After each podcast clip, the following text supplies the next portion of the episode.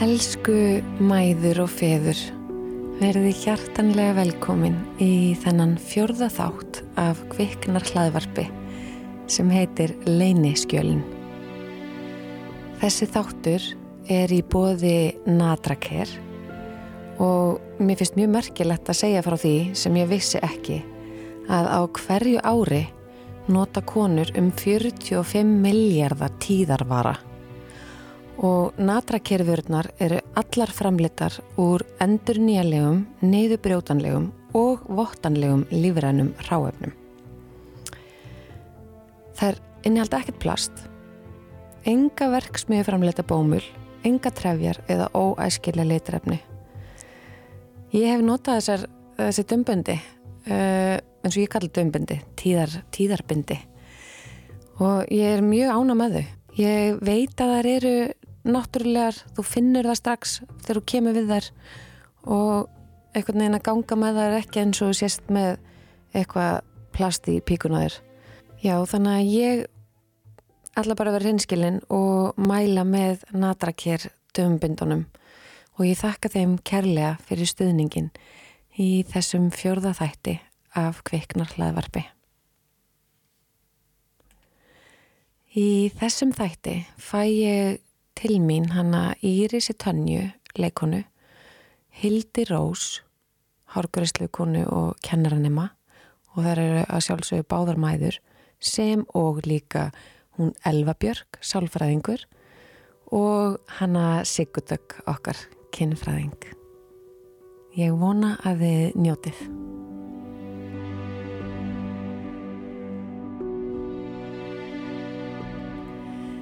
Ég ætla að bjóða hana Írísi Tönju vinkonu mína og leikonu hjartanlega velkomna hérna í kviknar hlaðvarpið. Takk fyrir. Við höfum bara beint í þetta. Þú ert tveggja batna móðir. Já. Þannig að þú ert búin að ganga tvisa sinnum með barn, vantanlega. Það passar. Hvernig var? Hva, hvað upplýðir þú á þínum meðgöngum? Voru það eins? Nei, Nei. alls ekki. Um, á báðum meðgöngum var því mjög veik. Bara rosalega ógleði og uppköst. Þannig að fyrstu þrjá mánuðina? Nei, Nei. nei, nei, nei, nei, nei. Þannig að þessist ekki bara morgunógleði og fyrstu þrýr mánuðinir? Nei, ég fæ það sem að er kallað HG og það er Hyperium gravidaris eitthvað, ég man ekki alveg hvað heitir. Oh my god. Og þá er ég bara ælandi allan sólaringin næstum því alla meðgönguna. Ok, ég ætla bara að spyrja strax, hvernig dettur koni í hug sem að fær svona á einni meðgöngu að fara út í aðra? Hvað Það er gerist í heilanum? Þráin eftir barnið er svo sterk að þú ert tilbúin að halda að kannski gerist þetta ekki núna. Það er Það sé fallegt. ekki eitthvað svo leiðis. En svo gerist það aftur. Já, já. Miklu verra, sko. Almáttu. Ég held sko að ég ætti inni ótrúlega góða meðganga því að ég var mjög veik með strákið minn, sérst eldra barnið. Já, Og það var, já, mér var bara flugurt og, og ég kastaði svolítið mikið upp. Uh, svona fyrstu mánuðina mjög mikið. Svo var mér bara svona undirleikandi flugurt alla meðgönguna. En þetta var ekki eins mikið eins og með setna meðgönguna.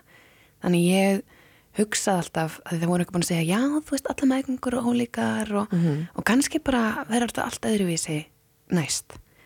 Og ég, já, átti þarna tvær góða vikur til að byrja með.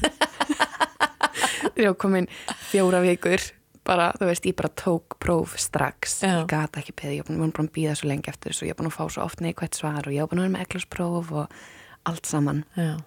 Og ég átti þannig tvær viku mjög góður og ég var alveg þá að drekka kaffi og var ekki, já, ég þarf nú að fara að minga þetta. Ég ákvað gaman ekki að drikki kaffi, svona, því ég gæti ekki drikki kaffi þegar ég var ófriska stráknum minn.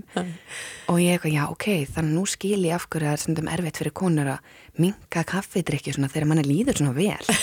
og mér leiði svo vel fyrstu dagana, ég var svo hamingisum og einhvern veginn loksis hefði þetta gerst og, og ég trúði eiginlega ekki að ég væri ófrisk, að þetta var einhvern veginn of gott til að vera satt Já. og tóka mitt eitt próf á dag í svona viku og, og uh, já, og svo bara kemur þetta hellist yfir mig hana og ég bara hef aldrei verið svona veikjur, þú verið veikindalegi við vinnunni. Ég kastaði bara upp allan sólarhengin, ég léttist fyrstu vikurnar og þurfti að fá uh, vökva í æð.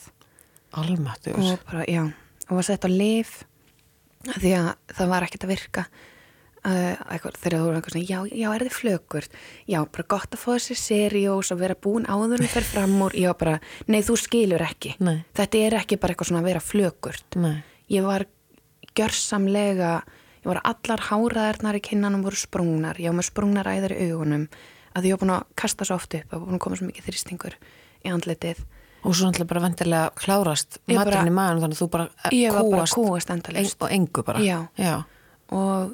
Bara var rosa, rosa, rosa veik. Ég lá bara og ég gæti ekkert gert. Og þetta hafði rosalega mikil áhrif á andlegu hliðina líka. Einmitt. ég var, fór mjög langt niður. Með leiðis ég væri föst inn í einhver sem myndi aldrei klárast. Um, og ég hafði fengið fæðingaþunglindi með stráki minn. Mhm. þannig ég var í svona ekstra áhættu með að fá meðgangu kvíða eða meðgangu þunglindi eða hvað sem þetta kallað. Já. Þannig að ég var svo heppin að ljósmáður mín, hún skráði mig á haminamskeið, stöðurann atverðlis meðferð Ah. og gerði það bara um leið og mér fór að líða aðeins betur til Já. þess að treysta mig til að fara í 2-3 tíma Mhm. og enna einu sinni í viku og ég gerði það og ég var rosalega, ég fann bara hvað ég var svona félagsfælin Já, líka já. að mér leiði svo illa í líkamannum og mér bara var svo fljögurt og ég var svo lítil í mér og ég man hvað, sko hjartslátturinn minn og nú er ég mjög opin manneskja Mhm. og Einmitt. ég bara get farið hvert sem er og ég get hoppað inn í hvaða stæði sem er og bara ok, go with the flow, bara finn hvað ég þarf að díla við Já, ég meina þú ert ekki bara leikona í sko, starfi, heldur líka bara í hjartanu það er bara Já, en veist ég get bara, þú veist ég er rosalega bara mjög sterk félagslega Já. Og hef alltaf verið, ég var í mörgum grunnskólum þannig ég svona var Þú kannt að spila þið eftir Já. aðstæðum hverju sinni já. Já. en þarna bara breyttistu það, ég bara fór alveg inn í skilina og ég var rosalega hrætt og fekk svona rosalega brenglaða hugsun, þú veist, mér fannst allir vera að dæma mig um, og hvað sem ég sagði ég fór alltaf að hugsa aftur um það og bara það er asnalegt og nei, ég ætla ekki að segja þetta og oh, hverju þarf þú að tala eða svara, þú veist, þegar ég var á námskeiðinu líka Mhm. Þannig að ég fann alveg strax að ég var rosalega ólík sjálfur mér Mhm. og svo á fyrsta degi námskeiðisins þá beigð maður með niðri alveg í góðar 40 mínútur mm. að því hann var viss um að ég kem aftur út Já, að því ég ætlaði ekki að fara inn á þetta námskeið, ég ætlaði ekki að sita með einhverjum 20 og öðrum ólettum konum að tala um kvíða og meðgöngu og Nei. eitthvað svona, þú veist, ég bara var ekki til í þetta Nei. En svo var bara einhver andið að inni, eða einhver stemming sem að, þú veist, þar voru allir með sitt og ég kynnist hana strax tveimur konum sem að ég mitt er alveg í sambandi við í dag en þá um, Við tengjumst eitthvað svona Já. órjúanlegum böndum við aðrar ólita Já. konur Já. og það bara voru svolítið svipað svona sem ég tengdi við sem það voru að tala um samt ekkert endilega tengt sko sömu kvillum Nei en ég tengdi bara við það og þetta hjálpaði mér mikið Mhm. Þessi huguruna atverðlismeðferð Mhm. og ég náði svona leiðrétta svona hugsana villur. Þú veist, það er svona eins og maður rugglist smá það er svona eins og leiðirna sem maður hugsan er eða einhver búað fari venjulega í heilanum Mhm. það bara fari eitthvað vittlust Mhm. þannig að það breytist náttúrulega ótrúlega margt á Já. meðgöngunni, bæði líkamlega og andlega. já, Og einmitt gott hjá þér að, að segja já við þessu, af því að við viljum náttúrulega, einmitt þegar okkur líður svona illa og, og, og ófélagslendar og viljum helst ekki einhvern veginn taka þátt inn einu, þá er svo erfitt að segja já við þegar Já. okkur er bóðin aðstof Já. og hvað þá að leita eftir henni sjálfar. já, Þess vegna er mitt svo mikilvægt að ljósmóðurinn spotta okkur. já ég var ofbúðslega heppin með ljósmáður Já. og valdi mér sömu og hafði verið með mig þegar ég var ófriska stráknum af því hún var svo dásamleg ég bara sigga í, í hlýðanum bara sjáta þetta hana. Já, þannig að hún Já, var bara við- algjör gemsteinn bara rosalega jákvæð og, og tók alltaf alvarlega það sem ég var að segja. Mhm. það var aldrei eitthvað, já, nei, nei, eitthvað. Nei. veist, hún bara hlustaði alltaf og var eitthvað, já, hvað getum við gert því? Og bara var alltaf tilbúin að að hjálpa mér, sko. Já. En hvernig, svo, þú veist, nú veist einhvern veginn, lýsir þessu sem það er eins og þú hafi bara verið lokuð inn í herbyggi bara með kuppufötuna Ég var bara þannig. Já, og ég var reynd að koma honum einhver svona geituræti og svo var svona svolítið vaktaskipti. Já. að ég var svo svakalega veikburða. Já, þannig að ef ég fór eitthvað fram eða þurfti að gera eitthvað þá bara yfirleitt fekk ég svo mikið aðsvif og titrað og gæti ekki staði eftir upp og ég var bara fár veik þannig að en komu góðu dagar hann á milli gastu eitthvað tíma farið eitthvað og skoppa með bumbunum til lofti já, svona eftir svona fjóra til fimm mánuði svona Já. milli fjóra til fimmta mánuðar þá var mér farið að líða þannig gæti allan að komist aðeins út mm -hmm. og, og ég, þú veist, þetta var svona í kringu 20 vikur sem ég svona fór kannski að treysta mér í kannski 1 til 3 klukkutíma einhver staðar Mhm. og en ég, mér var alveg refsa daginn eftir sko. já, ok þú veist, þetta var bara ég notaði þá einhver orku sem ég átti ekki til. Mm og, og þá lá ég bara. -hmm. en já, mjög heppin að þessari meðgöngu. Ég slapp alveg greindaglinn, ég fekk það á fyrir meðgöngu, ok, það var mjög vond. En, en ég slapp alveg við það.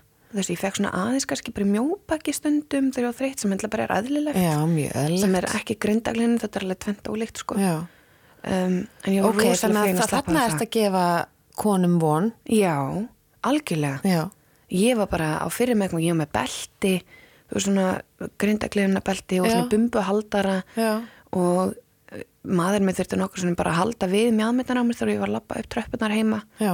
Og ég var bara alltaf með verki og pílur niður fætutna og, og illt í lífbeininu og það var bara það var hræðilega vond. En ég fekk eiginlega ekkert af þessu ásættum með. Þa- Þetta er þannig að í rauninni já, bara svo komur ekki hérna og, og, Og stoppir barnegnir Íslands. Að þá er sérst, það, það, að því að tala, talandum að meðgöngu geti verið ólíkar. Að þó að hérna, þú hefur fengið þessa veiki á, á báðum þínum að þá slafstu við hérna, grindar Já. gleðina á setni meðgöngunni algjörlega. Og mér leið sko eftir þetta námskeið Mhm.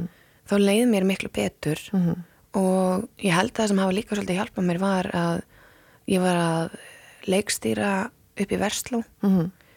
og að vera bara einhvern veginn í svona skapandi orku, þú veist, ég gæti ekkert mikið gert, þú veist, ég satt þú mikið, sko, Já, en við vorum líka tvö sem vorum að leikstýra. Já, og það bara hjálpaði mér heldur svolítið að vera í kringu svona unga krakka sem einhvern veginn full af lífi og sköpunarkrafti og, og þú veist, jújú, jú, maður þurfti alveg svona að hafa heimil á þeim, sko, Já. en það var svo gefandi að fá að fylgjast með þeim og fá að skapa með þeim og, og bara einhvern veginn að sjá bara, vá, þú veist, ég bátt þetta að vinna með ykkur á þessu fólki í framtíðinni, þú veist, það Já. eru svo miklu hæfileikar já, og þau eru svo dugleg, þetta er bara þetta er þetta eru framtíðar leikarar og framtíðar leikmyndahannuðir og framtíðar sveismenn og sýningastjóraðar og, og bara allt sko. Þa- Þannig að það þig svona, já, það, rosa mikið andlega. Já, og hjálpaði mér alveg svakalega mikið Mhm.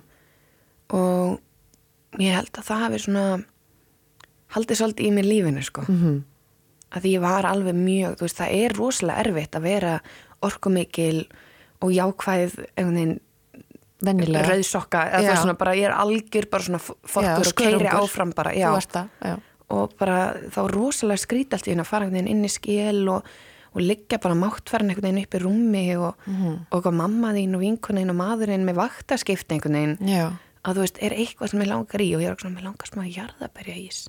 Allt í einu. Já, þá bara hljóp fólk til og bara hljóp mér á ísbúðinu og lefa leiknum og bara kom með heim með smá jarðabæri ís og þetta var bara besta sem ég hefði fengið og svo bara kastaði ég náttúrulega öllu upp.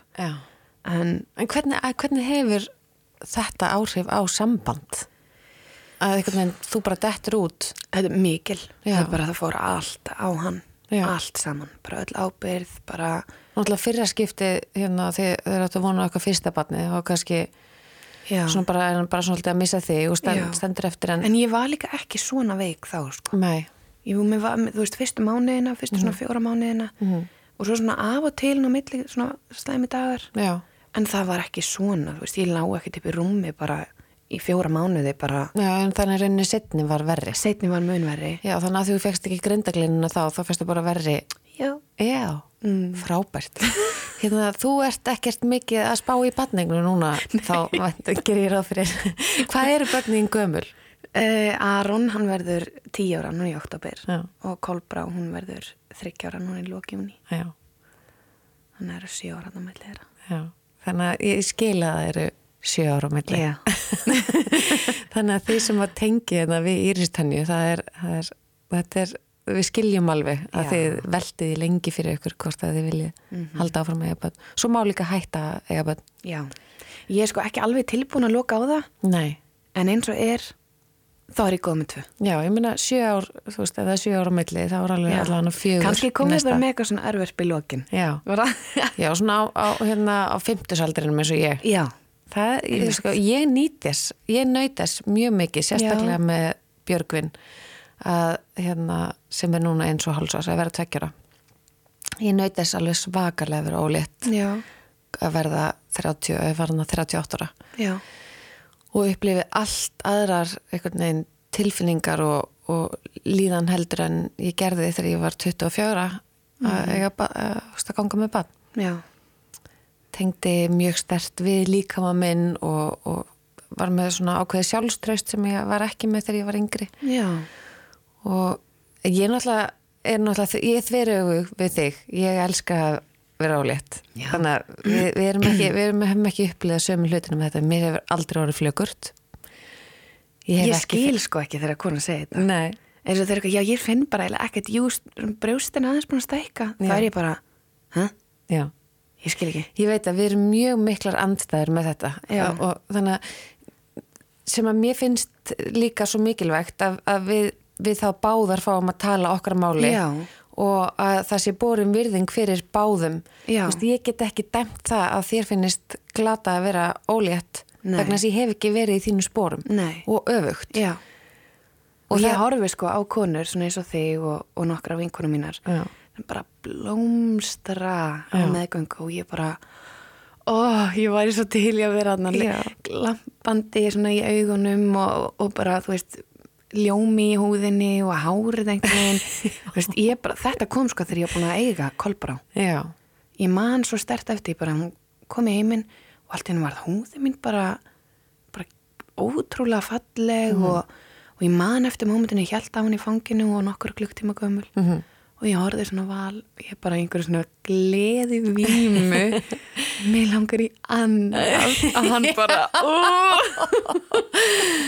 en ég meina þarna þú sér það eftir hörmungar einhvern veginn meðgöngu. skipti engum máli. Nei. nokkur klukkutíma setna og ég sko átti mjög erfiða fæðingu og þetta voru alveg þrýr dagar sem enda í bráðakeisara og þú veist Já. þetta var alveg major og ég bara, þetta var allt bara að fara út úr klukkan, ég myndi Já. ekki eftir neina á þessu Hugsaði hvað líkamann er stórkoslegur og heilin í rauninni grillaður Já.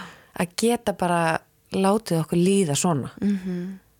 að, við, að við bara á svip stundu þá er bara þetta málið og við Já. gleymum öllum Já. raunum sem við hefum upplifað marga mánuði Já, en Það þetta er mitt- náttúrulega ástæðan fyrir að við eignumst fleiri börn já.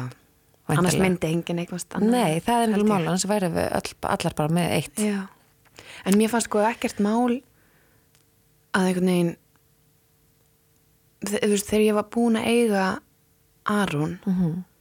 það var aldrei eitthvað svona eh, jú, ok, kannski ég ætla að byrja með bara eitthvað, ég ætla aldrei að eignast veist, það var bara, ég mandur að sýstir hans sagði eitthvað svona eh, sýstir hans vals Já. sagði eitthvað svona, já, nei, ég held að Íris mun ekki eignast fleiri börn, af því ég var svo búin á því. Já, en svo man ég bara, ég var einhvern veginn svo, það var náttúrulega óplanað strákurinn okkar, hann er svona, kom bara sem mega surprise.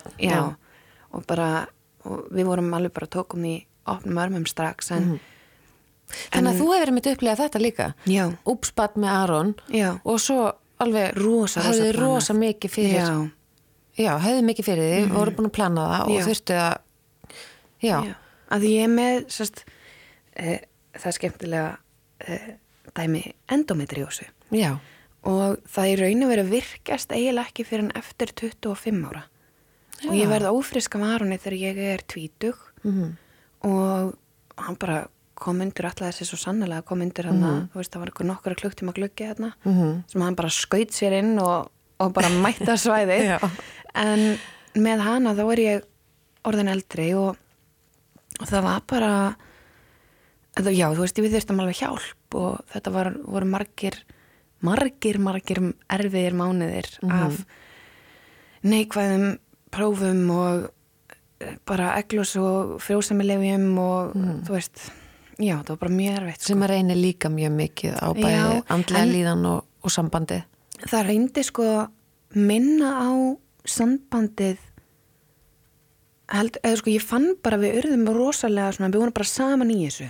Veist, þetta var okkar markmið Mhm. við vildum þetta og veist, hann var búin að býða greið þarna alveg nokkur ár hann var, því ég þurfti að fara aðeins í, í leiklistanám já, Valur vildi hafa stýttir á milli. Já. það, og við vildum það alveg fyrst og við höfðum reynt þá alveg í 7-8 mánuði. Mhm. uh, og ég bara gæti ekki mér var, þetta, þetta te- heltekur sko höfuð á þér. Mhm. og, og ég bara var alveg, nei, ég er, ég er ekki tilbúin í þetta ég get ekki, ég er þetta ung ég ætla bara að fara að gera núna fyrir mig því að þetta er greinilega ekki að virka Mhm. og vorum með byrjuð á að fá lif þá sko og ég kemst að þenni listaháskólan og ég bara, já, bara um leið og þú veist, ég er búin að klára þetta nám þá bara ekkert mál Mhm. og svo bara nokkur mánir í útskrifist þá bara, jæja, það var Valur búin að banka til hérna nú er ég búin að býða hérna rólegur í þrjú ár, ekki komið það er náttúrulega sérstaklega þólimur og yndislegur maður já. Ég er ekki vissum að hver sem er hefði þólað með á meðgöngu. En svo sagði mynd einhver vinkun okkar að við náttúrulega ákveðum líka að kaupa okkur íbúð þannig um það sama liti og ég verð ófrísk af stelpun okkar. Sem var akkurat mánuðurinn sem við reyndum ekki. já, Um, það var síðastir svona uh, ringurinn sem við máttum reyna heima. Mhm. Annars hefðu við þurft að fara neyri lífi á næsta mánuði. Mhm. Og við hefðum reynd að kaupa íbúð, það ekki þú veist, gengið og var alltaf verið yfirbjóða og það bara opin hús sem voru svo kansiluð og, og að því að búið að kaupa íbúðuna og eitthvað svona, þannig við eitthvað heyrðu okkur, setjum þetta aðeins á ís hérna þá að við vitum hvar, hvert við erum að fara að flytja Mhm. og þá náttúrulega kemur hún undir Þú veit sko önnu sagan sem kemur hérna inn og talar um hérna badnegnir í sambandi við húsakaup þannig að ég held að það, virðist verið eitthvað svona já, ég var stækka og svo kemur badnið og já, þetta er einhvern veginn eins og tengist, já, Já. skemmtilegt mjögulega bara tilvílin Já, en við þurftum sko að fara í rosa framkvæmdir. Hmm. og þá var ég bara ælandin í herbergi. Já, og Valur bara tók það á sig. og svo kemur vinkun okkar í heimsókana eitthvað þegar ég er komin ykkur að 7-8 mánu leið og þá horfum við nú svona á val og hann var svona einhvern veginn með hárið út um allt og bauga, bjúaður í framagreið og svolítið tekinn og, og hún eitthvað svona horfur á hárið á honum og hann var hann hefur alltaf verið með svona salt and pepper hair sko, þú veist, það er bara Já. svona, svona gráttinn á milli en hann er eiginlega orðin alveg gráðherður Elsku Þannig að hún eitthvað svona, hvað segir þú alveg minn, er þetta búið að taka hans á? Þannig að hann bara varð eiginlega alveg gráherðir á svona meðgöngu og í þessum framkvæmdum og flytningum og Já, þetta tekur sko líka á makan okkar já, alveg svakalega. og náttúrulega sérstaklega ef að meðgangun er svona Já. erfið þá er sko æðruleysið bara svona nummer 1, 2 og 3 Já. hjá makanum okkar Og það, það kemur honum mjög eðlislegt að, að vera rólegur og, Já. og svona draga djúpt andan og takast á veðastæðir og hann er svona í verkefna lustnum. Já, Hann er svona, hugsa mjög svona lustnamiðað og alltaf rólegur og en í þau skipti sem hann æsir sig aðeins, mm veist, þá veit ég alveg að, að það er eitthvað, aðeins búið að byggjast upp. Það er bara, en ég hef ekki séð það oft. Nú erum við náttúrulega saman næst í 11 ár og ég held að það séu þrjúskipti sem ég hef séð hann svona æsa sig örlíti Elsku Valur Þetta, við ættum öll að hafa einn val á okkar heimili. Já, Já, en ástæðjátningin búin, höldum áfram með Já. meðganguna Þú fegst hérna Já, eins gott að hann hlustu á þannan þátt. Hvað segir þið, hvernig er brúkabið? já, um mig, það er eitthvað, að trúlega verið mörg ár já. En hérna, en það, það, það voru nú samt Þetta var ekki það eina neikvæð við meðganguna eina nei, nei, ég eh, fekk þann heiður að, að fá fótapering Já, allan sólarhengin já, ég tengi við þetta. Já, Þó ég hef verið á, á skoppandi og bleiku skíi með bumbin út í loftið að þá, þá er fótapyrringur Já. mín versta martröð. já. Og þetta er umverlegt vandamál. og þetta er svona, þarna upplifi ég sko alveg stert svona læst í einn líkama. Já, og bara í svona í sjálfsköpuði viti já, þú veist ég bara og þú ert sko eina bara svona fáum sem að ég þekki sem bara hafa upplifað bara full blown fótapering, ekki eitthvað svona smá eitthvað heldur bara þetta er bara, þetta hel tekur líkamann og þú ert í þessu að díla við þetta allan sólarhengir og þú ert allan daginn að preppa. Veist, hvenar, ok, þannig að fyrir kvöldi svo ég fá kannski smá svefn þannig að fyrstu þrjá fjóra tímana Já. ok, þá, þú veist, og maður er að passa að borða fótabað Já, með einmitt, þú er, þú er minnst á þetta með, þú ert spurð borðar ekki banana? Já, Hætti að spyrja mig hvort ég hefði borðað banana. Ég get ekki lengur borðað banana Ég er búin að borða svo marga banana.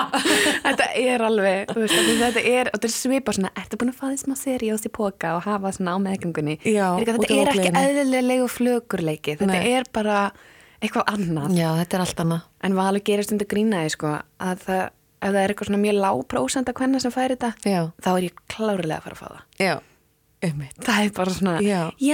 er bara það er bara 5% hvenna sem fá svona og bara 1% þeirra sem fá svona já, þá er Íris að fara að fá það bara, Æ, já, við, við sko í rauninni kannski bara tilgangurinn með hérna þessu þessari umræðu uh, fyrir utan að ég held að mörgum geti verið létt að fá smá viðurkenninga á þessu raunverulega vandamáli Já. með þessa ógleði já, sem er eitthvað allt annað heldur en kannski smá ógleði.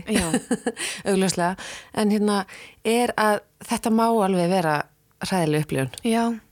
Að vera bara- ólægt, við þurfum ekki Nei. að vera blómstrandi eins og, eins og sem er líki lægi bara, veist, en, bara langar bara að gefa þessu smá Já. plás að, að veist, það þarf ekki að vera geggjað að vera ólétt og það má alveg vera bara Já.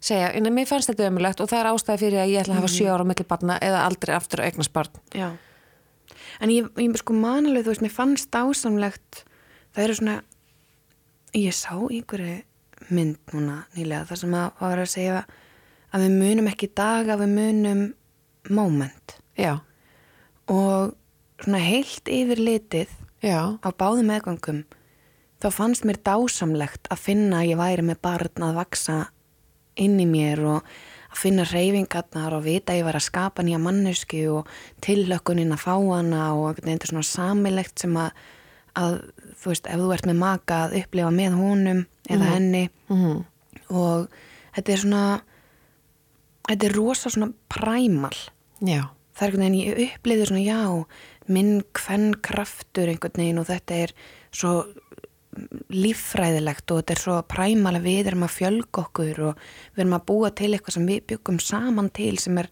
afrita af okkar DNA begja, Já. veist, þetta, er, þú veist, við, þetta er bara við erum að skilja eftir okkur eitthvað á jörðinni. Mhm, veist, þannig að mér fannst rosalega magnað að upplifa það. Já, og mér fannst æðislegt að finna reyfingarnar og fara í sónar og, og þú veist svona reyðurgerðin og þetta er allt, mér fannst þetta allt ásamlegt Já. þannig að heilt yfir leiti fannst mér ekkert sökka að vera ólétt en Nei.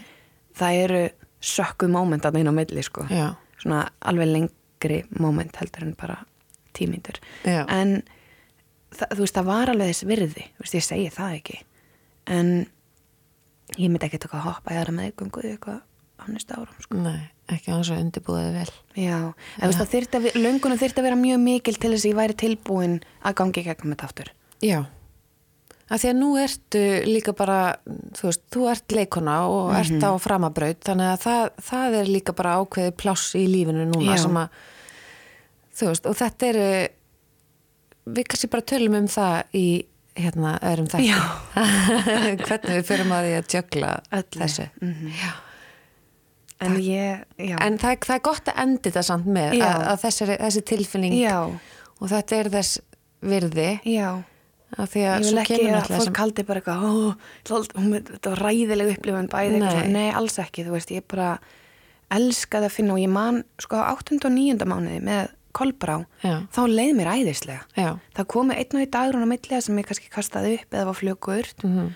Og þá fekk ég svona yfir þyrmandi tilfinning bara, ó nei, þetta er komið aftur og það mun aldrei fara og ég fæ ennþá í dag Mhm. að mér verið fljögurt, þá er ég bara fyrst fæ ég bara svona svitakóf og verður rosalega hrætt já, Já. bara verður mjög hrætt af því þetta var bara viðvarandi ástand í langan tíma Mhm. sem að ég réði ekkert við og bara tók frá mér líf lífsvilja basically í smá stund sko Já. og því ég held í alveg að ég myndi ekki geta haldið áfram með meðgönguna Nei. en ég hugsa bara, ég get ekki meir sko, ég bara, ég held ég væri að deyja Mhm. Og var bara hóra sniður og bara leiðræðilega Mhm. en þetta er samt það besta sem ég hef gengið í gegnum Mhm. að bara að skapa nýja mannesku og, og ég man bara þú veist minn ljómi kom bara um leið og hún kom í heiminn Já. kom hann einhver hjúkurna kona daginn eftir eh, þegar ég var búin að standa upp í fyrsta skipti hann eftir keisaran og ég svona greitti mér hárið og tampustaði mig og svona þóða mér í framann og setta mér svítaldeiði og, og var svona einhvern veginn skjálfandi samt einhvern veginn í þessu með mjólkina og stálma og allt saman einhvern veginn. Það bara það hún horfði á mig bara ég, hvað þú er- ert falleg ertu, varst að þú að þér hárið? Ég eitthvað, nei, reyndar ekki svo gott. Og hún eitthvað, fá hvað þú lítur vel út. Og ég man ég svona horfði á hún og ég bara, já, ég geri það. Já. takk fyrir. Já. og mér leið þannig, mér Já. leið bara og fyrstu dagan eftir á, ég mandra þú veist, vinur okkar komið heimsókn og hann bara, vá, þú lítur ekki út eins og það hafa verið eignast barn, þú veist, jú, já, með bumbun en allt hannig, en ég var svo hamingisum Já. og þetta var svo þessi virði allt saman Mhm. þannig að kannski betra það það sem ég langi að skilja eftir Já. Takk. Takk fyrir það. takk fyrir mig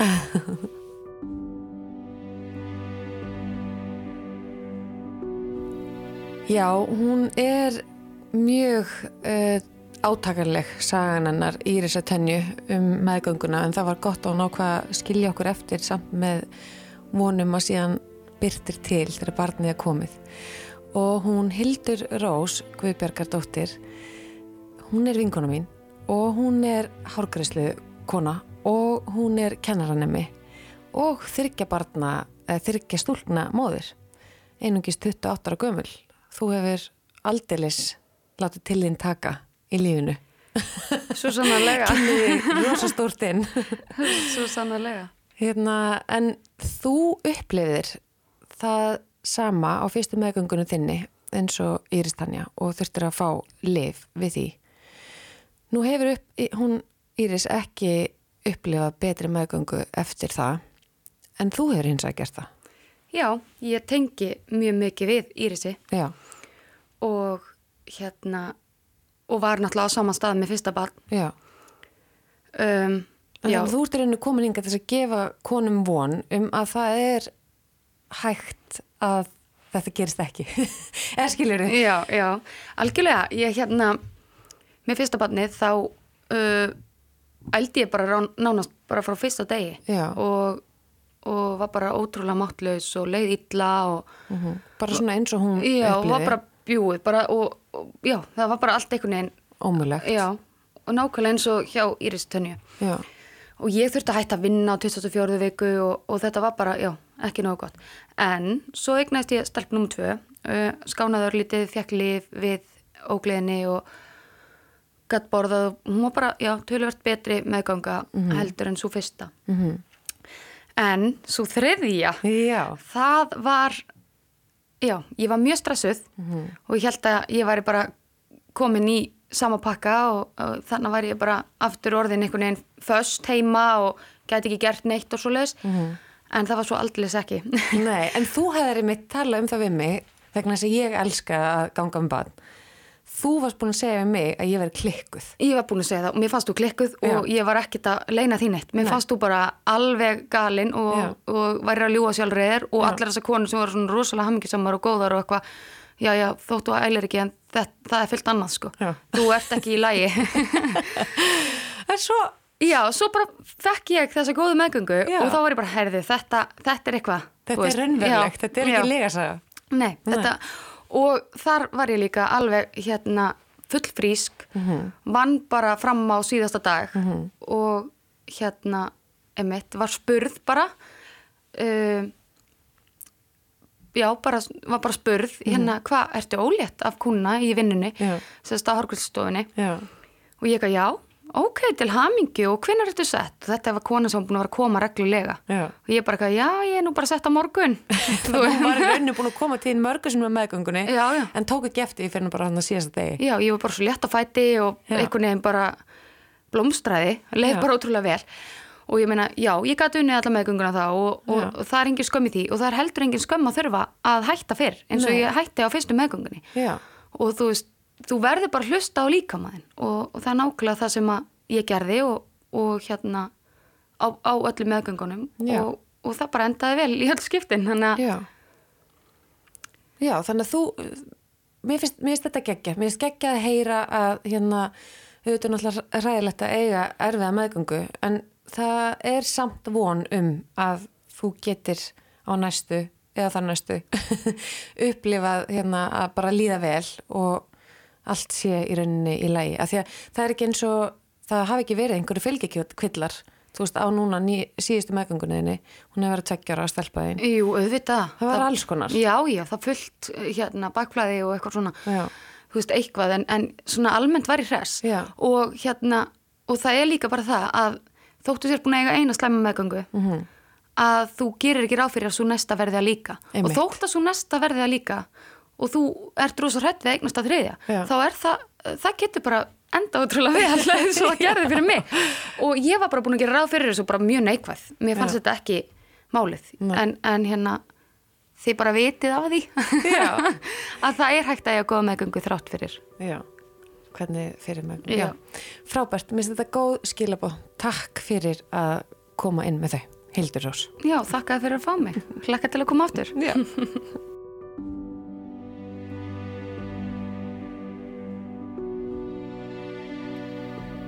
Þá er komið að setni hlutanum í þessum fjórða þætti. Og ég fæ til mín eins og ég sagði áðan Elfubjörg sálfræðing og Sigurdögg kinnfræðing en ég ætla að minnast aftur á vörurnar frá Nadraker og það sem ég fannst geggjað að fá að vita er að túrtaparnir þeirra eru gerðir úr bleiktu efni til að gera það öruga í nótkunn sem þýr að þeir eru algjörlega klórlausir. Mér er svolítið skemmtileg hérna setningin frá þeim ekki klóra á þeir klófið. Já, mér finnst það- smart. Og svo segja þær, segðu bless við plast, ilmefni og klór. Láttu líkamæðin anda við þurfum ekki plast. Og við ég held að við getum alla verið sammálið þetta að við viljum ekki hérna nein auka og hvað þá eiturefni í píkuna okkur þegar við erum á túr. Og Natraker hérna segir að allt framleysluferlið og alla vörurnar frá Natraker eru 100% vegan. Þannig að það er ekki annað en hægt að mæla með vörunum frá Natraker en Elva Björk og Sigadag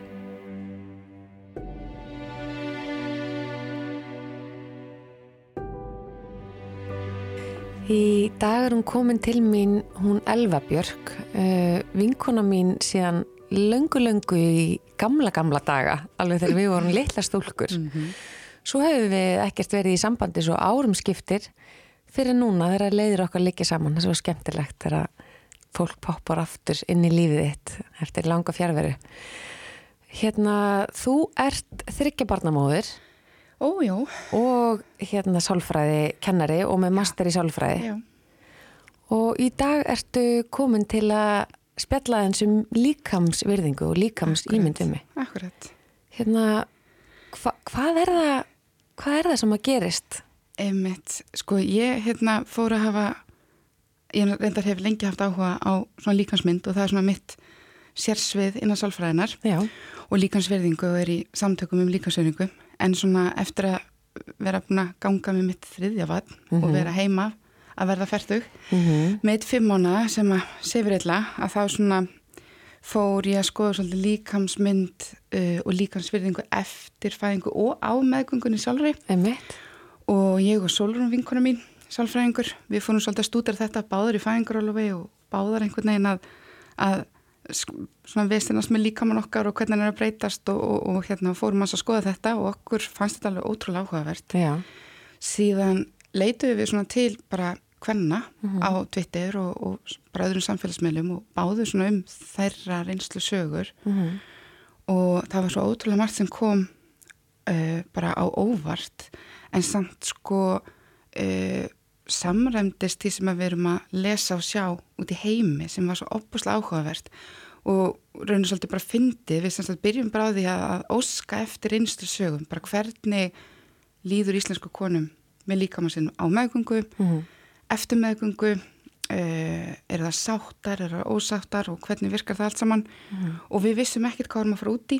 Fengum fullt af sögum Já. fullt af sögum og Takk íslenska konu fyrir að vera svona. Einmitt, æðislegt og ég fekk svo mikið efni og við ákveðum að taka þetta skrifni lengra og, og hérna reyna svona að finna hvort það væri einhver svona þemu Mhm. sem poppuð upp og hérna hvort það væri eitthvað svona sérstakt sem að var nefnt oftast Mhm. og það sem var svo fyndi við þetta var að eftir það þá fórum við að lesa okkur til við fórum svona öfuga leið einhvern veginn í þessari rannsókn enda báðar alveg döðþreyttar og með barn á brösti eitt í og, og vesen.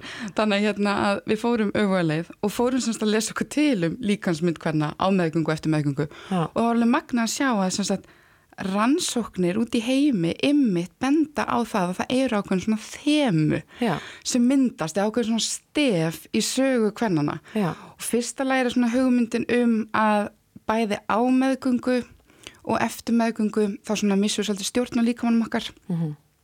sem er svolítið uh, anstætt því sem við upplifum síðan sumar þegar við förum eins og í, þegar við erum í maðravendinni þar sem er kannski verið að tala um þingdaraukningu eða of litla mm þingdaraukningu uh, starðin á bumbun okkur og svoleiðis og svona sumarkonur upplifa sem svo að það er eiga að hafa einhverja stjórn á þessu. Það er eiga núna að fara að passa sig, það er búin að þingjast of mikið eða bumban er orðin og stór eða bumban er of lítil. En ég held að við getum flestar við sammálum það að við höfum afskamlega lilla stjórn á þessu. Já. ég veit ekki svona hvar, hver, hvar ég ætti að byrja að reyna að stjórna þessu, hversu stór bumba mér var ég bara fann að ég hafði enga stjórn á þessu ferli.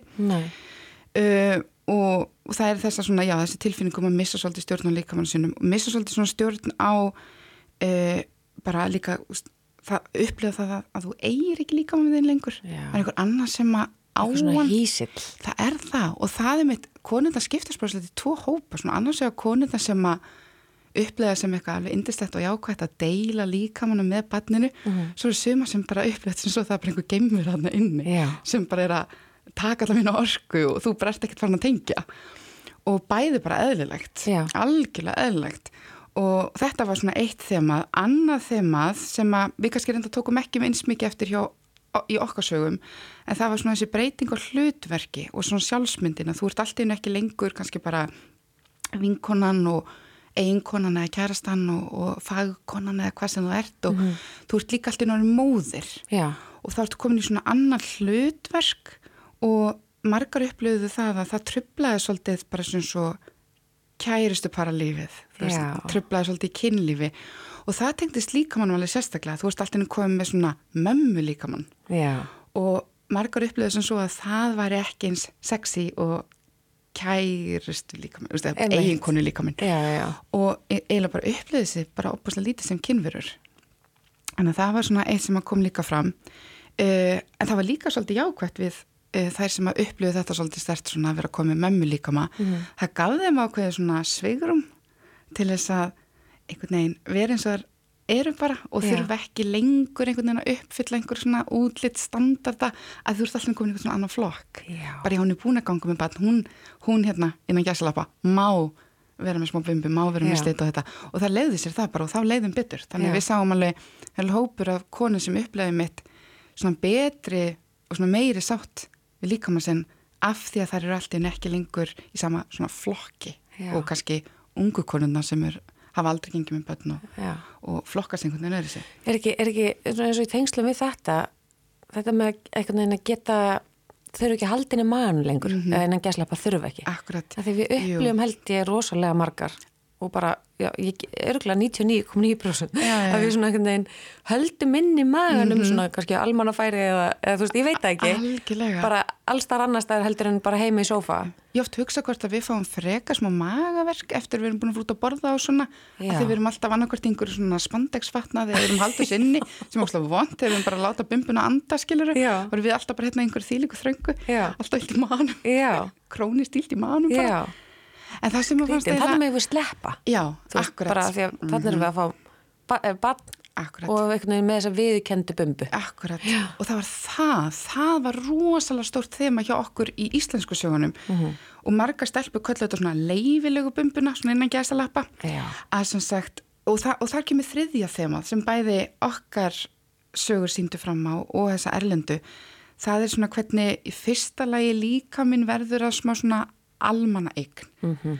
uh, einhvern veginn allir hafa núna skoðun á líkamanninum mm -hmm. eða viðra allan að skoðun sína á Mhm. líkamanninum þú ert annarkvort á stórið og lítil eða, eða fólk er að kommenta á líkamanninn sem það kannski hafði aldrei gert þetta fyrir nokkru mánuði síðan bæði þá og snertan og svona eitthvað sem kannski maður þekkir almennt ekki bara, paldi hvað verið skrítið ég verið alltaf snerta því bara hérna þreifa á maganu þínum bara Já, á þriðudeg Já, sko. þegar ég er ekki, er með með barn. akkurat, en Man. það gerir allir einhvern veginn Þetta er rosalega skrítið. og svo sjáum við líka sem sagt hérna, breyting á líkansmyndina því að í tengslu við þetta að, að líkaminn sé almanneik þannig að tengist líkaminn samfélaginu Já, og það er samfélagi svolítið sem myndar okkar líkamsýmynd já, og því við vitum að uh, líkamsýmynd eða svona hversu sáttar við erum með líkamann okkar er svolítið menningabundi þannig að í öðrum menningarheimum þar sem að til dæmis er svona meira samþygt að vera mjúkur Mhm. sjáum við lagri tíðni eins og ádraskana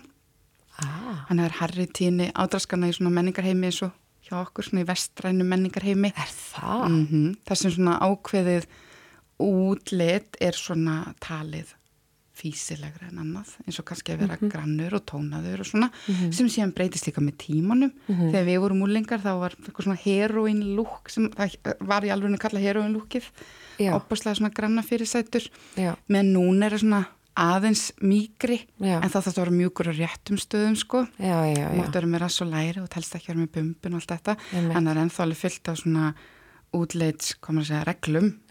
Uh, og þau erum yngri, það tröflar oft frekar yngri konur heldur en eldri konur. Mhm. en þetta sáum við svo ótrúlega stert að við sáum sem sagt að hjá mörgum þá var eins og líkams ímyndin eða svona sátt við eigin líkama uh, varð betri á meðgöngu heldur fyrir meðgöngu og rannsóknir sína það líka sem sagt konur eru almennt ánæðari með líkama sinn á meðgöngu heldur en eftir og fyrir.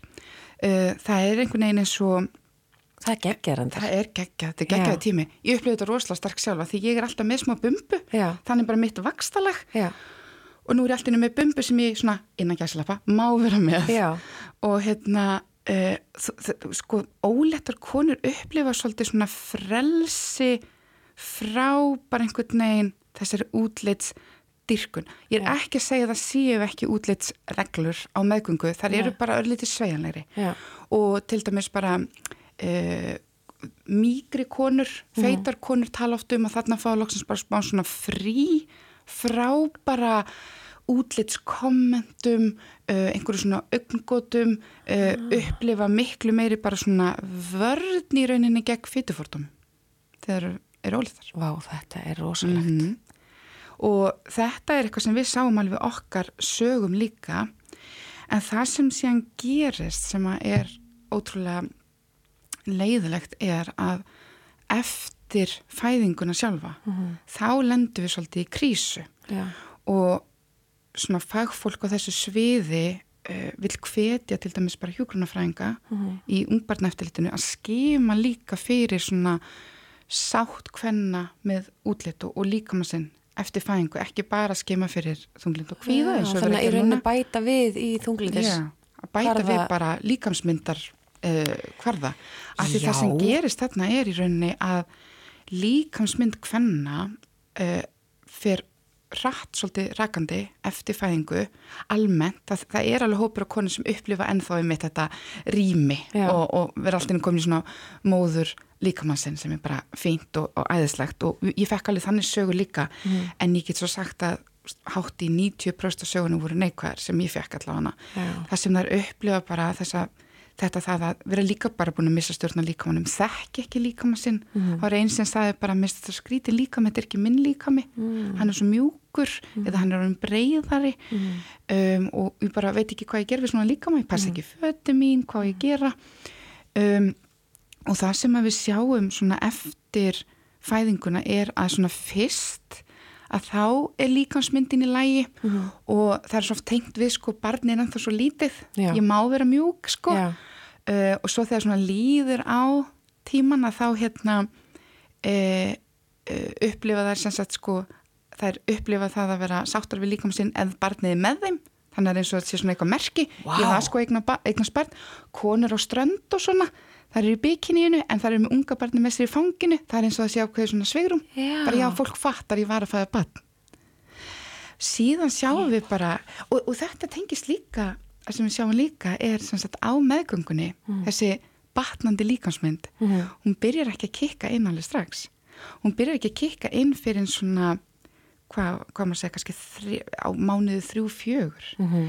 en við vitum margar að við byrjum að mýkjast svolítið fljótt, Já. það er hormonatengt bara líka, já, já. líka mann er allur að mýkjast öll svona liðamót, já, já. allt að mýkjast þannig að Mhm. ég upplifði bara strax frá, ég get svo svara viku tvö, að það var bara eins og ég væri alltaf með út þannig maga þannig ég varði strax bara svolítið mjúk og Mhm.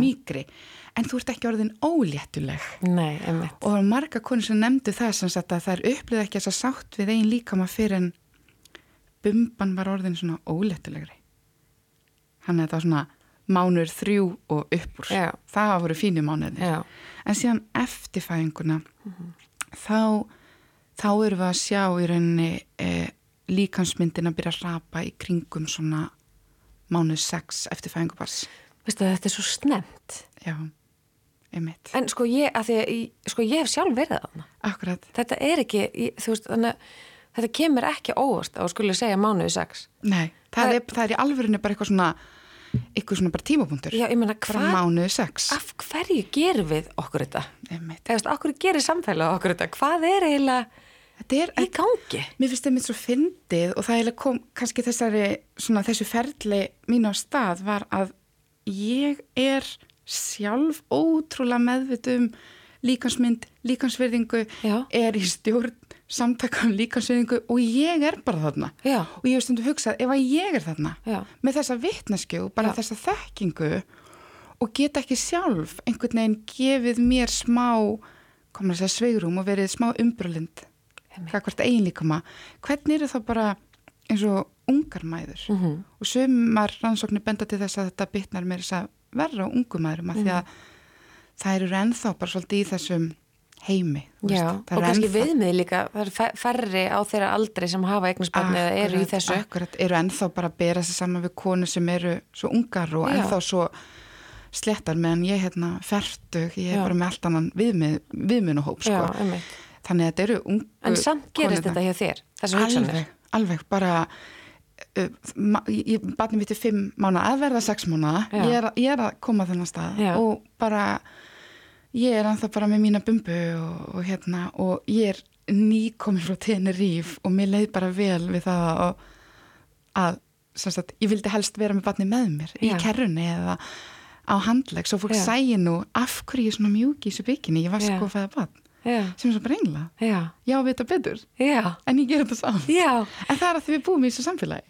Það er að því búum, en sko þetta, ég, ver, ég verð að segja að ég held að mörgum geti verið létt að þú sést líka þarna með alla þessa vitnesku að, að, að, að það er engin heilagur skiljur fyrir þessum hugsunum samfélagsins. Nei, þetta er ógislega, við bara náttúrulega bara lifum og hrærumst í svolítið svona útlitt styrkandi heimi Já, og það er svo erfitt að hunsa það, sko. já, en þú ert náttúrulega í þeirri vegferð að reyna einhvern veginn að, já, fyrst þarf að upplýsa um að þetta sé svona og Já. svo þarf einhvern veginn að taka eitthvað skref til þess að reyna að bæta þetta. Ég meina, uh, er, ekki, er ekki líka svolítið skrítið, sex mánuðir vegna þess að sko það tók nýju mánuði að verða einhvern veginn í læginu veit. til þess að þú varst að ganga um barnið þitt. Ég meina, er ekki lámarkað að við með fara upp í nýju mánuði þá eftir fæðingu? Ekki það að Einmitt. gerist eitthvað rosalegt þá, Nei, en ég meina, nei. er ekki, þú veist, þá ætti mögulega kannski bara fyrsta hugsunum, ok, hérna líka minni svona hins einn, að poppa upp. Þetta er svo. Þetta rosalega snem. Og við gefum okkur bara svo óbúslega lítið sveirum og náttúrulega spilar inn í að við erum að sjá hérna bara í blöðunum og svona hérna fræga fólkið Já, labba rauða dreilin bara nýbúið að að fæða batn og er bara komið í form og, og við erum að bera okkur saman við þetta ómeðvitað. Ég sit ekki og horfi á hérna Kim Kardashian og er að bera mig saman við hana meðvitað. Nei. Þetta er bara algjörlega ómeðvitað Já. og maður sér þetta og svona það er ekkert langt síðan við vorum að heyra hérna og, og sjá alltaf hérna í vikun eða eitthvað svona hetju sögur á konu sem grendist og bara rætt eftir að hafa fætt börn Já. sumar lenda alveg í því Já. sumar eru bara með hérna uh, ég veit það ekki, þetta getur verið í genunum með eitthvað og svo Já. eru bara sumar sem bara líka minn fyrir aldrei aftur í fyrra form. Og það er líka eðlilegt. Já. líka minn raunverulega breytist við stækkum, mjadmagrindin stækkar og, Mhm. og í, í, í, fótur minn stækka starri skó. Og ég hef enga stjórn á því bara líka minn breytist. Og, og þú veist, við erum að fá slit og, og, Mhm. og, og s- svona, mætti bara lengi telja. Þannig að við þurfum að vera umbyrulindari, gagvart líkamannum okkar. Og hérna og leifunum svolítið bara að, að fara í gegnum þetta ferli bara sínum hraða Mhm. svo svo margt sem spilar um þetta inn í og því nú er ég hérna komin til þín Mhm. eftir 40 mínúna svefn Mhm. uh, í nótt Já. af því að strákurinn minn er að taka tennur Mhm. og er bara pínu erfiður uh, indislegur allt það en ég sem sagt svafi 40 mínútur pældi í því ef að ég færi núna bara inn í þennan dag Mhm. með einhver svona megrunar hugssjón eða eitthvað svona ég verða að fara að taka mig á Já. líka með minni bara að kalla á skjóta orku Já. það er bara kaffi Mhm. það er bara kolvetni Mhm. það er bara, það, það er bara hraðast orkan sem getur bara fengið bara einhver kolvetni Mhm. ég veit þetta er ekkit endilega hotlasta fyrir mig, ég veit það ég er alveg skinsum Mhm. en hegðunum mín er bara svo frumleg Já. Þú þarft bara að komast í gegnum meðan dag, sko. algjörlega og það er bara, ég hef bara átt mín moment bara á þriðutags móndi klukka nýja á namibarnum í haugköp sko. Að því bara mér Já. vantar orku og, hérna, og þetta stangast svo á við einhvern veginn skilambóðin sem við erum að fá bara, við þurfum að borða svo allan mat og allt þetta sem er indislegt, auðvitað ég var allar að borða allan Mm. Já. mat og, og hugsa vel um líkamann og allt það, Mhm. gott fyrir alla en ég, bara svona frum, segja maðurinn í okkur, Já. einhvern veginn er bara að kalla orku Já. bara eins og eitthvað- Frumkonan. bara frum konan ég er ekki búin að sofa Ef þetta er náttúrulega bara íslensk tunga er svona. Við erum bara Já, já. smátt og smátt breytum þessu í að hvern gera ég líka. er að reyna það sko, Já, ég er alveg virkilega duglega vennilega sko, en ekki ósofin sko Já, en þetta er náttúrulega bara á, á við þetta með tungumáli eins og líkamann okkur og allt að við þurfum fyrst að bara gera okkur grein fyrir þetta er svona Mhm. svo bara hvað ætlum við að gera þetta breyta svo og svo byrja að taka lítil skref í áttuna að því að bættari heimi og við þurfum einhvern veginn að hafa umbyrjulendi gagvast hvort annari. Auðvitað þurfum við að byrja á okkur sjálfum mm en, en við þurfum líka að segja bara við, við hvort aðra hérna bara hvernig líðið er, mikið lítur vel út indislegt hérna þú veist, að rósa hvort annari og þú veist mér langar svo, já, mér langar svo að breyti svo, ég meina, hvað leggir þið til? sko, ég vildi hafa einhver, einhver svona hérna einhverja lausnir. Já, ég held sko að fyrsta sem allan að við Solrún, ég er alltaf að tala um einhverja Solrún hérna já, Hæ, já, Sólrún. já.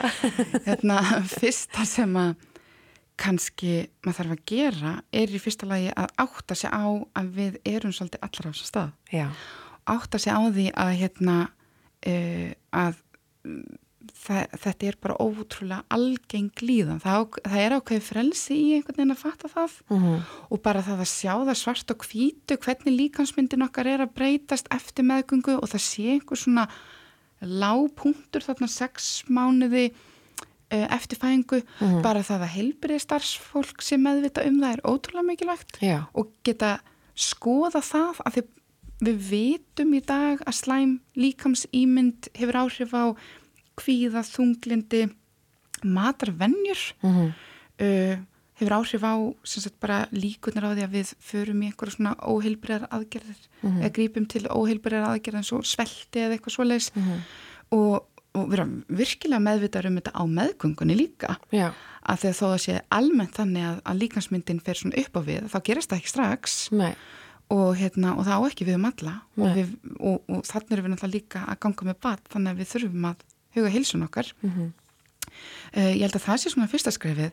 Svo bara ég, fyrir mig er eiginlega næsta skref bara ákveð svona umburalindi já, bara svona hvað maður segja, bara svolítið svona væntum þykja. Mhm. og, og uh, ég hef alltaf verið svolítið á hérna body positivity lestinni einhvern veginn og, og, og maður þarf- að þykja vænt um líkama sinn og, og eitthvað svo leiðis Mhm. það er stutt síðan að ég átti að má að ég er ekki þar núna. Nei. ég er meira á bara svona bleð já, bara svona þetta er bara líka með minn, hann bara er þarna og hann er bara eins og hann er og mér þarf ekkert að finnast hann æðislegur. Nei.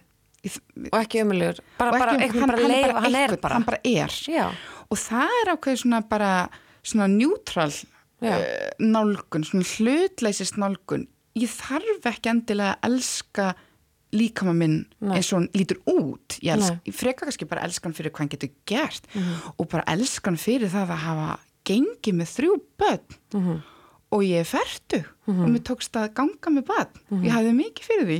Og það var ógeðslega erfitt en ég gatt það. Og ég gatt eignast börn og, og, og hérna og þetta gatt líka með minn. Já. það eru þetta bara uh, kraftaverk það er eitthvað sem að þú veist ég vil frekar líta það í staðan fyrir að fókusa á hvernig lítur hann út núna Já. frekar bara hvað tókst hann með að gera hvað tókst mér að gera Vá, þetta er, þetta, er, þetta er frábært.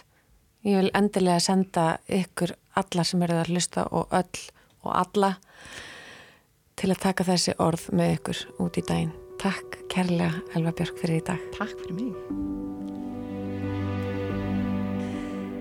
Hæ elsku Sigga Dögg, kinnfræðingur og vinkona mín. Takk fyrir að koma hérna í dag. Já, takk fyrir að bjóða mér. Mér langar svo að tala um kynlíf á meðgöngu við þið. Já, nóg er að taka. Já. Ég held samt að þegar þú segir það, þá held ég að sumir hugsi núna, já, til að koma fæðingu á stað. Ég Já. held að sumir hugsa, þú veist, setja hann inn og sprauta á stað, eitthvað Já. svona hérna. Já. En uh, ég væri eiginlega spenntari fyrir því að tala um bara svona nokkra ólíka þætti. Mm Mér langar að tala um draumana sem að konur fá oft á meðgöngu. Ú, já. og það er nú aldeilis hiti í þeim og það er svo gaman þegar maður verður að spyrja konur þær eru bara hvað er að mér á nóttinni ég er bara með öllum og nágrannana þeirra skilur Já. það er bara endalust að gerast og mér finnst það svolítið skemmtilegt mér finnst það svolítið falleg gjöf að það er eitthvað svo, það er svo örugt að vera mjög gröð á meðgöngu Já. þú ert einhvern veginn ólétt og ég myndi eiginlega vilja sko að þegar verið að halda þessar hérna, hvað er þetta, barnasturtur mm, við ættum eiginlega að hafa barnasturtuna töluvert fyrr mm, styrum að tala um kannski bara þegar hún er komin kannski þarna hvað ég var að segja 17. 18. 19. viku bara svolítið snemma, vel snemma já. þannig að hún er bara með svona krútlega litla bön hann neyri Já. og uh, þá ættum við að gefa bara eitt gott kynlífstæki og ættum að gefa gott sleipiefni og svo ættum við að vera bara, heyrðu, þú veist njóttu því, það eru skemmtilegir tímar framundan, hvort Já. sem að það sé í draumi eða vöku Já.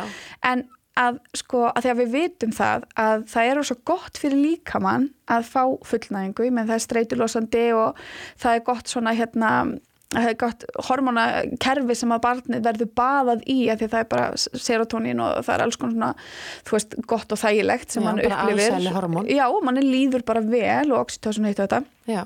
Og það meikar svo mikið sens um að sletti að ymmit að vera að fróa sér á meðgöngu því að margir upplifa til dæmis það að þú ert blöytari, skiluru að þú ert svolítið smurðanir í pínu sníill. Getur alveg verið skemmtlegt eða þú ert að fróa þér mikið. Já. og að eiga bara já, bara er pínu þannig. Eiga bara gott kynlýfstæki þannig að þú bara getur leift þér að bara ég ætla bara að vera hér fyrir mig, fyrir batnið mitt og fá það og bara fá það svolítið vel og duglega og oft og mörgur sinnum Já. að því að sko það kemur svona samdráttur í leiði þegar við fáum það. Þetta er rauninni bara eins og að setja litla batnið í bara svona nutt þú veist þannig að þú ert í þessi haföndun og bla bla bla, allir þessi jóka og svona fínt, fínt og flott sko.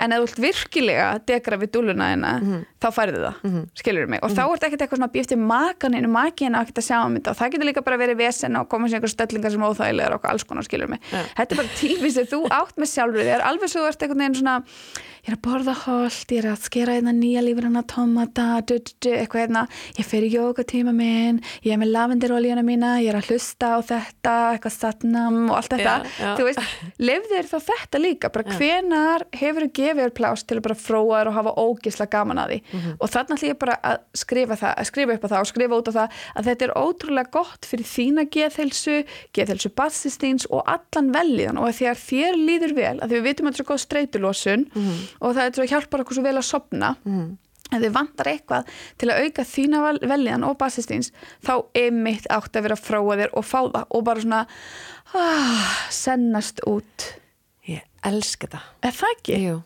Þannig að uh, þetta er falleg barnastyrtu gjöf. Maður þarf samt kannski ekki 15 titrara, Nei, nei. bara eitt góðan. Já, já.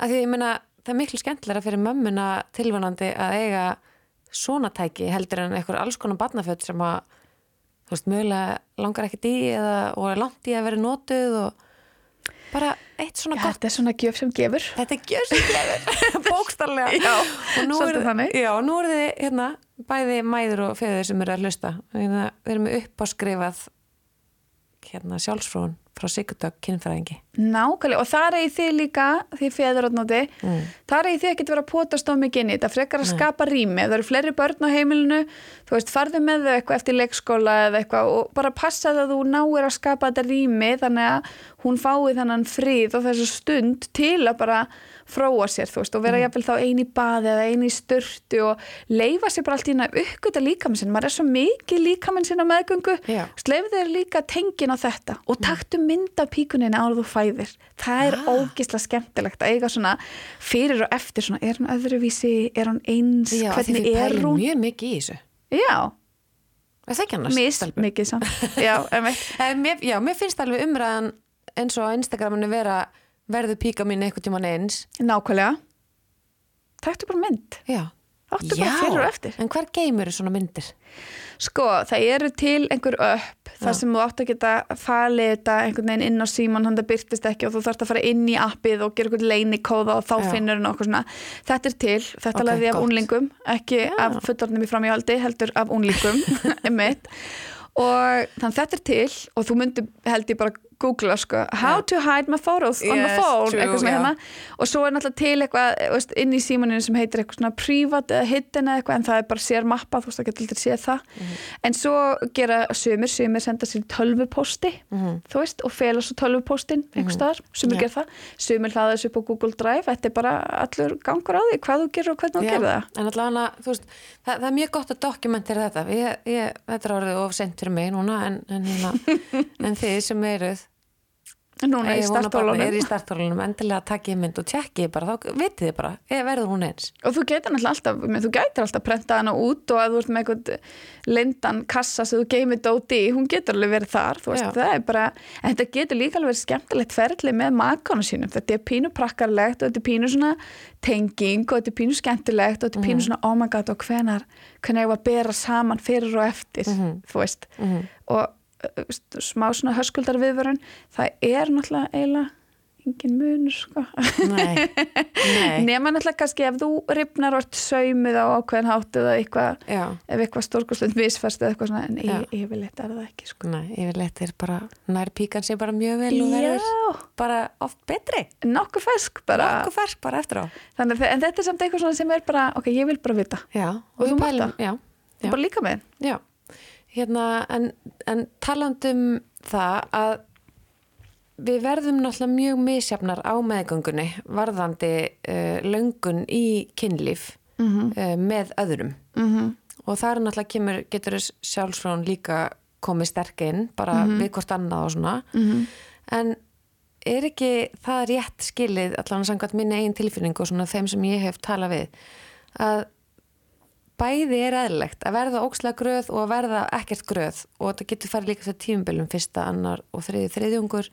Jú, sem er náttúrulega líka bara lífið lífið er svolítið þannig, þetta er þessi akkurat. tímabil og þarna eru náttúrulega hormónin á miljón skriljón. Og svo líka spurning hvernig kemur maki eða, eða hérna, hitt foreldrið Já. hvernig kemur það fram við þig á þessu tíma? Því að sumum finnst óþægileg tilöksun og langar alls ekki stundar nynskona kynlíf við móður á meðgöngu. Finnst það bara, er eitthvað bara í óttasta. En ég held að og líka, ég meina, veist, ertu með mikla, mikla morgunógleði eða ógleði þetta er náttúrulega ekki, ekki morgunógleði, þetta er ógleði heilstags ógleði, Já. kvöldógleði eða eitthvað þú veist, ertu með mikla fóta, erð, e illt í grindinni allt þetta, það þarf að taka tillit til að sjálfsögðu þess alls og Já. maður myndi ekki leggja neina svona einhverja miklar kynlífskröfur á, á veist, meðgönguna. En að allt í lagi leifa sér að hlusta á bara hver líkamann er og ég myndi gjarna vilja að þetta, hvað þú hlustar mikið á líkamann á meðgöngu, myndi fylgja okkur svona aðeins meira út í lífið og eftir meðgöngu, af því að það er eins og einhvern veginn batnið að koma út og þá dettur svo mikið pressa, bara já, allt í fyrra horf við vorum vöna stundakynlíf svona og nú á allt að smetla tilbaka. Já. og það er auðvitað ekki þannig. Utan náttúrulega eitt held ég hellaðasta tímabil af því að eignast barn er náttúrulega bara þessi sko, þessi nætur vöknun og, og svo líka þú ert í brjóstakjöf og hormonferðli sem fyrir þar að stað og já, þetta er mjög skrítið ferli að vera bara ég og barnið mitt erum það eina sem skiptir máli allir hinnir geta dottið ef yfir bara jarðar. Þú veist einhvern veginn og svo ef einhver að setja eitthvað hvað er á þig eða pressu það er bara að byrja ha? Og þetta er bara fullari manneskja þú veist það er bara ekki mitt að sjá um þig. Þannig að þetta er svo veist, maður þarf einhvern veginn rosa mikið að hlusta svolítið og virða sig. Og, einmitt, og ef maður upplifir mikla grættu og maki manns vill ekki sjá það að vera eitthvað að potast í manni að þá er mitt gott að vita bara, heyrðu, ég má bara sjá um mig sjálf. Já. þú veist, ég má bara frá mér og taka mér þetta pláss, það er ekkert að því og ég má bara gera eins oft og ég þarf. Það tekist makanum mínum ekki neitt. En ég myndi segja að það er aldrei jafn mikilvægt og á meðgöngu að finn og ræða um og finna upp nýja leðla rækta nánd. Hvernig getum ég og þú verið náinn hvernig vilt þú vera náinn mér og hvernig vil ég vera náinn þér? Og að því að þetta, þetta er nöðsynlegt svo þegar maður er komið lítið kríli í hendunar og lífið verður hektist að verður svolítið skrítið og, veist, og tíminn verður ofbáslega afstæður. En þá er svo gott að bara byrja hvað tölum við aftur um, hvað við tala um með hvernig upplifið þú nándina okkar og hvernig getum við rækta það án þess að það þýði endilega veist, nekt eða einhvers konar kynlíf eða hvað hvar, veist, mér finnst þetta mér svo rosalega fegur í morgun kaffibóllanum mér finnst ofbúslega fallegt. Þetta er romantískasta stund dagsins á mínu heimili. Já. það er þegar hann býr til kaffibólla handa mér. Já. þeir eru með svona vél eins og á kaffihúsum. Já, já, já, þannig að hann gefur sér alveg tíma. Nostrar við það. Já, setur ást í bolla. Já, hann setur ást í bóllan lengi að búa hann til, Já. ma mala bönirnar og allt, svo fæ ég hann svona til mín og þetta er svona, ég loka alltaf augunum í fyrsta sopan bæði fæ ég svona fyrringi mann yfir kærastanum mínum mm. og svo bara yfir stundinni að geta drukkið allavega fyrsta sopan meðan hann heitur þetta er bara svona þakklæti til heimsins bara, vá, ég á þetta, ég býfi þetta og Já. við erum með misjöf þarna hvar við finnum fyrir svo finnum við fyrir þegar við leggjast upp í rúm á kvöldin Já. finnum við fyrir sér við daginn þegar við fáum eitthvað lítið, lítil skilabóð eða þú veist og það er okkar að skera út og finna og, og vera í þessu ég sé þig, ég vil að þú sjáir mig og hvernig get ég sé þig? Veist, og bara svona að því að enginn er í hugsanlestri enginn veit hvað hinn er að pæla og við þurfum að segja þetta upphátt og, og við þurfum líka að þakka fyrir svona og segja bara vá, veist, þetta er einn uppáhald stund dagsins míns, mér þykir svo fallegt hvað þú nostrar við bollan minn og ég finn ástina þína til mín í gegnum bollan og þetta liggur ekki augum uppi, veist, maður þarf að segja þessi orð beint út Já. og því þá finnum maður vá, þú kannt að meta mig. Já. og við þurfum alltaf að taka líka alltaf þakklæti út úr bara þessu kynferðslega samingi og þar er, eh, veist, við getum ekki bara að kunna að meta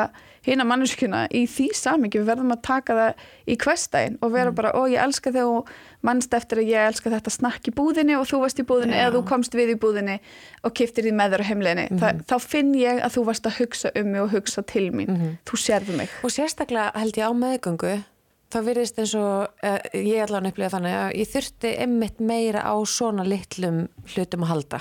Já, einhvern veginn til þess að já, fá þessa smá meiri aðtegli bara með einmitt ímsum svona leiðum, hann myndi eftir að þetta fyrst mér og ég held að það sé pínu sko þróunafræðilegt líka. Já, það er bara, ég skipti þið máli þú ert ekki að fara, þú ert hitt fóreldrið þarna Já. og þú verður til staðar. Já, þannig að veist, ég skipti þig máli, mín velferð skiptir þig máli Já. þannig að þú ert þá kannski með meira hérna skuldbindingu gagvart barninu sem er að koma. Já, þannig ég held að og, og, og upplifa sko afskipta leysi á meðgöngu er náttúrulega þá líka rosa særandi og þá líka náttúrulega tekur það hugan frá byrju það er að koma barn hérna, ég þarf að hlúa að því Já. því þá ert allt, er orka farin í sambandi og þá komið óryggi og þá erum við farin á tilfinningabraut sem maður vil einmitt ekki vera vesnast í þegar maður er bara að reyna að koma mannesku í heiminn og til manns þú veist, Akkurat. maður er bara þar fókusin þarf svolítið að fá að vera þar Já. þannig að allir svona sambandsdrami á meðgöngu er náttúrulega augljóslega ekki, ekki frábæri því að skapa svo mikið óöryggi. Og, og ég meina, og ég meina fólk, fólk skilur alveg á meðgöngu, það gerist. Og stundu þarf að taka erfiðar, erfiðar ákvarðanir og þá er fólk vantilega að gera það fyrir sig. En bara þegar við getum haldið þessu á svona aðeins mýkri nótunum í Já. svona smá vernd þá er það mjög dýrmætt. Og þó við séum alltaf að segja hérna maki, maki, maki þá ef þú ert eina eignast barn þá er sjálfsög skapar þú umhverfi í kringum þig sem verður þínar stuðningsmanneskjur.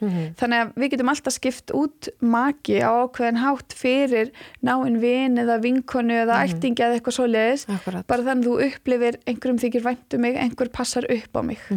Þú veist, að því að fókusin fyrir náttúrulega svolítið mikið bara á hér er barn að koma í heiminn og þú veist, ég elska þegar maður er ég er með svona marga fóreldramótna svona á bókusefnum og ég elska þegar maður hittir nýbakar mæður og það eru tala mitt um þetta að drekka heitan kaffibólla Já. bara, ha, er Já. kaffi heitt? Já. ég hef aldrei hirt þetta og þegar maður segir hvert maður borða margar ristabrösniður í dag þá kemur alltaf svona skömmistu svipur bara uh, hérna þetta er einhvern veginn, þetta er svona matur mömmunar, Já. það er einhvern veginn kaffibólli kaldur, Kaldur. hálfvétin ristabrösnið sem Já. er svona einhvern veginn borðið á hlaupum eða þú glemdir henni í eldus og sest í sófan og varst eitthvað, "Ó, ég get ekki staðið eitthvað svona, eitthvað svona alltaf eitthvað, henda einhverju í sig þú veist, Já. Bara þetta hæ, ég kom til með nýtt rúnstykki og hérna, ostasalat eða eitthvað skilur, bara eitthvað svona vá, í halvun er þetta næra mig? Bá hvað ég kann að meta, ég ætla bara að setja hérna í hálftíma og spjalla eða þú veist Þetta og- er ást, já, þetta er nánd og þetta, er það nefnilega. Og við fáum hana svo víða í lífinu og mér svo fyndi þegar fólk heldur einhvern veginn að nándin einskorðist við kannski bara veist, parasambandið, Mhm. en nándin er allt um allt um líkjandi og allt um kring. Og við værum mjög, mjög einmanna manneskjör ef við ræktum ekki nánd bara víða í kringum okkur. Já. þú veist, og maður rækta nánd í vinnusamböndum og þú veist, að leifa sér að fara inn í þess að nánda því þetta er bara, þú vantum þykja og kærleikur í verki, skilur mig. og ég hef oft sagt þetta við fólk að því að ef þú ert alveg upp við kannski litla nánd og, og ert kannski alveg upp við samband það sem er, það er ekki mikil virðing eða ekki fallið samskipti eða ekki verið að sína mikla tillit sem er bara þú færð, þú færð, þú, alveg, þú elst ekki upp við neitt mótel að benda fólki svona konkrétt á litla hluti eins og til dæmis uh, þeir sitja hann í sófanum þú stendur upp og ert að fara neldur svona í vasklas og þú snýrði við og segir ég er að fara ná mér í vasklas á ég ná ég eitthvað fyrir þig Mhm. og fólk eitthvað svona Byrju, það er ekkert rosa romantist, jú það er rosalega romantist, það er ofbúslega fallegt að segja ég er að hugsa til því, ég er að hugsa til því, það er bara það sem við viljum. Við viljum bara einhvern veginn vænt um okkur og hugsi til okkar. Ef þú stendur upp á stjörnutorki og ert að fara að ná í servettu, taktu tvær. Að ég kom með fyrir þig, vá en fallegt það er. Já. Taktu eftir hvað áhrif þetta hefur á fólki í kringu þig. Æ, vilt þú kaffe og ég bjóða núna, vilt þú bjóða næst eða ég skal panta fyrir okkur og taka 500 krónar frá viðkomandi. Eða, veist, það, það þarf ekki, veist, við erum ekkert að tala um þetta þarf að vera grand og stort og mikið, Nei. þetta er bara, Þetta er litlu hlutinni. þetta eru alltaf litlu hlutin. Já. Ég tók nýjumapör fyrir þig, Já. þú veist, ég sé þig, ég er hérna. Og fólk kannski fattar ekki líka hvað þetta getur orðið stort og hvað þetta getur orðið lítið. Já. Þetta getur orðið líka að mæta réttum tíma Mhm. eða mæta snemma eða láta vita þér senki Já. ég sé þig, ég veit af þér þú ert kannski að býða eftir mér Mhm. og ég er að láta vita þú veist, þetta er bara alltaf verið meðvitund um fólkið í kringu þig Já. en fólk gleymir sér og ég veit það í hverstanum og það er þannig að maður gleymir sér takk og maður hugsar, ég ætti að segja þetta Mhm. og ef svo hugsun skýst upp í kollina þér þá að því við lifum á svo stórkustlegum tímum Mhm. Veist, við erum með snjálfsíma sko, takt hann þá upp og sendu bara eins og krakknir minn segja, í þrumunni senda á messenger eða í skilabóðu með snappi eða hvað hva form sem sendu bara, fyndi ég er að hugsa til þín. Fyndi, mér dreymdi í nótt. Já. eða, þú veist Þetta er svo gott í hjarta. ég, opast, eða bara Já. svona, hei, ég sá þessa bók. Og þetta myndaðinu og sendu viðkomandi. Og þetta þarf ekki að vera bara makin bara myndu þið á fólki í kringu þið að því að það er svo átakanlegt að verða fóreldri þetta er svo þú veist, þetta, þetta er svo erfitt fyrir hjartað Mhm. að því að þetta er svo mikil óvissa og tókstreita og, og maður er aldrei nóg góður og aldrei viss um það sem maður er að gera og maður vill gera þetta svo vel og maður er svo oft svektur út í sjálfan sig og reyður út í sjálfan sig og, Mhm. og svo sjaldan sem maður rósa sér í fóreldurhlutverkinu þá þarf maður ekstra mikið á fólkinu að halda í kringu sig sem sér mann Mhm. og kann að meta mann og lætur mann vita að því þannig að maður svona ok, ok, að því maður þarf svolítið að anda inn í þetta Já. Ég meina, þú ert 150 börn, ég get ekki svona ímynda með það Ég sko eina sem kemur okkur í gegnum þetta, það er ást og að anda. já, Já, ég er alveg, ég er þar sko. gott Jú, og kaffibóli. Góðu kaffibóli. ég er enda líka þar bara svona, er kaffilöst á heimilinu, hvað sagður við mig bara, við erum að rætta í núna. Vist, ég held að ég sé farin að fela kaffibönir svona víða um Já, þannig ef að það verður kaffilöst Þá áttu varastass. já, þá er þetta svona leini og maður gæti að hljóma ógíslega illa Þetta er mjög góð leið. Nei, ég er algjörlega að með þessu. það hljóma svona pínu fíklalega Já, smá svona. fela kaffibönir Mér finnst það bara gott. um mitt Herði, takk indislega fyrir komuna. Elsku Sigga Dag. takk fyrir mig Mér fannst þetta ótrúlega skemmtilega þáttur, kannski svona í lengra læginu en það var bara svo margt sem þurft að segja sem er ekki hægt að sleppa úr. Og ég náttúrulega bendi sérstaklega á loka orðin hennar Erlubjörgar að við ættum allar að reyna að taka þau til okkar.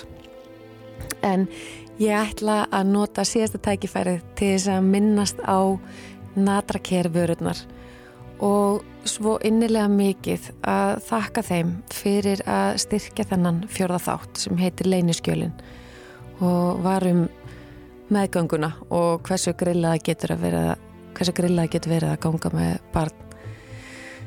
Við eigum alls konar upplifanir af meðgöngun okkar og það sem ég held kannski að þessi þáttur hafi getað skilið eftir var að stundum er meðgangan bara ræðilegt tímabill fyrir okkur. Í alvöru talað bara ræði ræðilegt við erum kannski bara veikar eða illa okkur komnar andlega eða líkamlega. Eða við erum erfitt með að tengja spannin okkar. Ég hef upplegað margt af þessu og ég geti talað um það hérna í klukkutíma en ég gera það kannski bara setna en svo getur við líka verið blómstrandi gladar og skoppandum með bumbun út í lofti og ég meina það svo innilega að við eigum rétt á báðum báðum tilfinningum, öllum þessum tilfinningum og allt þarna á milli. Að þetta sé ömulegt og að þetta sé aðeinslegt og það er alveg eins með þegar barni kemur. Stundum er þetta ömulegt og stundum er þetta aðeinslegt og til þess er kviknar. Við erum minna til þess að skapa umræðu stinga á alls konar tabú og tala saman. Tengja við hver aðra tala saman, þetta skiptir svo miklu máli og svo að sjálfsögðu er, er markmiðið mitt að reyna að veita ákveða aðgengi að sérfræðingum vegna þess að það er alltaf betra þegar við náum að tala saman að síðan í kjölfarið að tala við sérfræðinga ef við finnum ekki út úr málun sjálf eða með maka eða vinkonu. Þannig að í byli fram að næsta þætti þá segi ég enn einu sinni. Takk fyrir í dag elsku viðmælendur og kæri hlustendur og sérstaklega natraker og ég hveti ykkur bara til þess að prófa að nota dömbendin frá þeim túrtaparna frá þeim. Þetta er lífrænt þetta eru vörur í lægi þetta eru vörur sem við getum treyst. Og ég veit það af einu reynslu ég er alveg getna að fá alls konar hérna, hefur verið svepparsíkingar og, og hérna klæja í klófinu og, og svona. Ég er bara bara alveg heiðarlega með þetta og ég auglýsa ekkert hérna nema að það sé eitthvað sem ég er búin að prófa sjálf. Allt er persónu bundið ég mæli allavega með vörunum frá Natrakir. Þú notar 100% lífrannar bómul og ekkert annað þá veistu nákvæmlega hvað þú ert að setja í líkamæðin Takk fyrir í dag